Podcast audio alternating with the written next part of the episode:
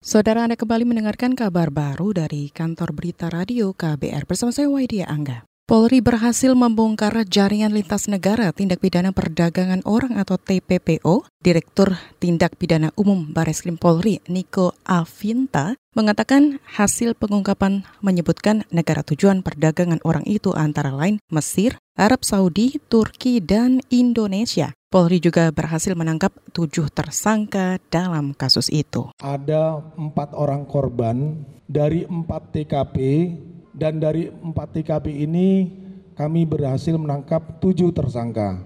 Empat TKP ini terdiri dari yang pertama Arab Saudi, lalu yang kedua ada di Kairo Mesir, lalu yang ketiga ada di Turki, kemudian yang keempat ada di Jakarta. Direktur Tindak Pidana Umum Bareskrim Polri Niko Avinta menambahkan salah seorang korban perdagangan orang berinisial TB yang direkrut oleh dua tersangka M dan FF untuk bekerja sebagai pembantu rumah tangga di Arab Saudi. Korban TB sempat dimintai uang sebesar 6 juta rupiah dan dijanjikan gaji sebesar 1.200 rial Arab Saudi atau setara 4,4 juta rupiah per bulan. Korban lain berinisial WW, ia dijanjikan bekerja sebagai pengasuh bayi dengan gaji 8 juta rupiah per bulan di Singapura, tapi oleh tersangka WS dan SS ia malah dipekerjakan sebagai terapis spa.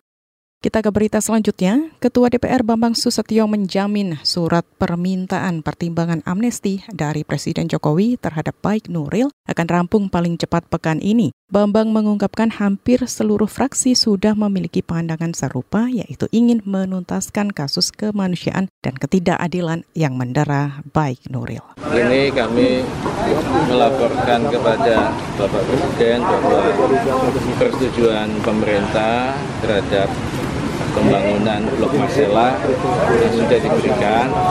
Jadi kami lapor dan kami serahkan persetujuannya di depan Bapak Presiden. Jadi yang menyerahkan kepala SK. Itu tadi Ketua DPR Bambang Susatyo. Presiden Joko Widodo Senin kemarin juga sudah mengirim surat permintaan pertimbangan amnesti terhadap baik Nuril kepada DPR. Surat itu pun sudah dibacakan dalam rapat sidang paripurna DPR ke-22 hari ini. Selanjutnya, surat itu akan dibahas oleh Komisi Hukum DPR sesudah sebelumnya dibahas di Badan Musyawarah DPR.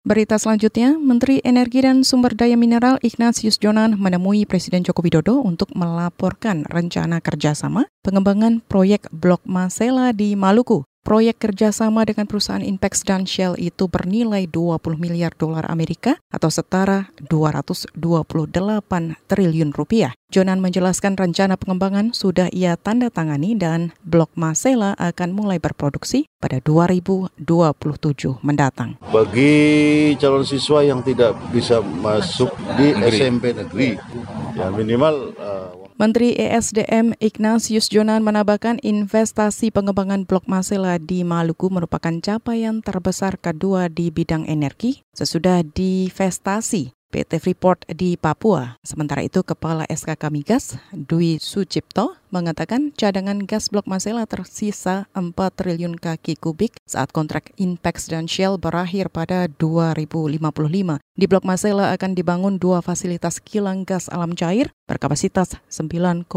juta ton per tahun. Saudara demikian kabar baru dari KBR, saya Waidia Angga.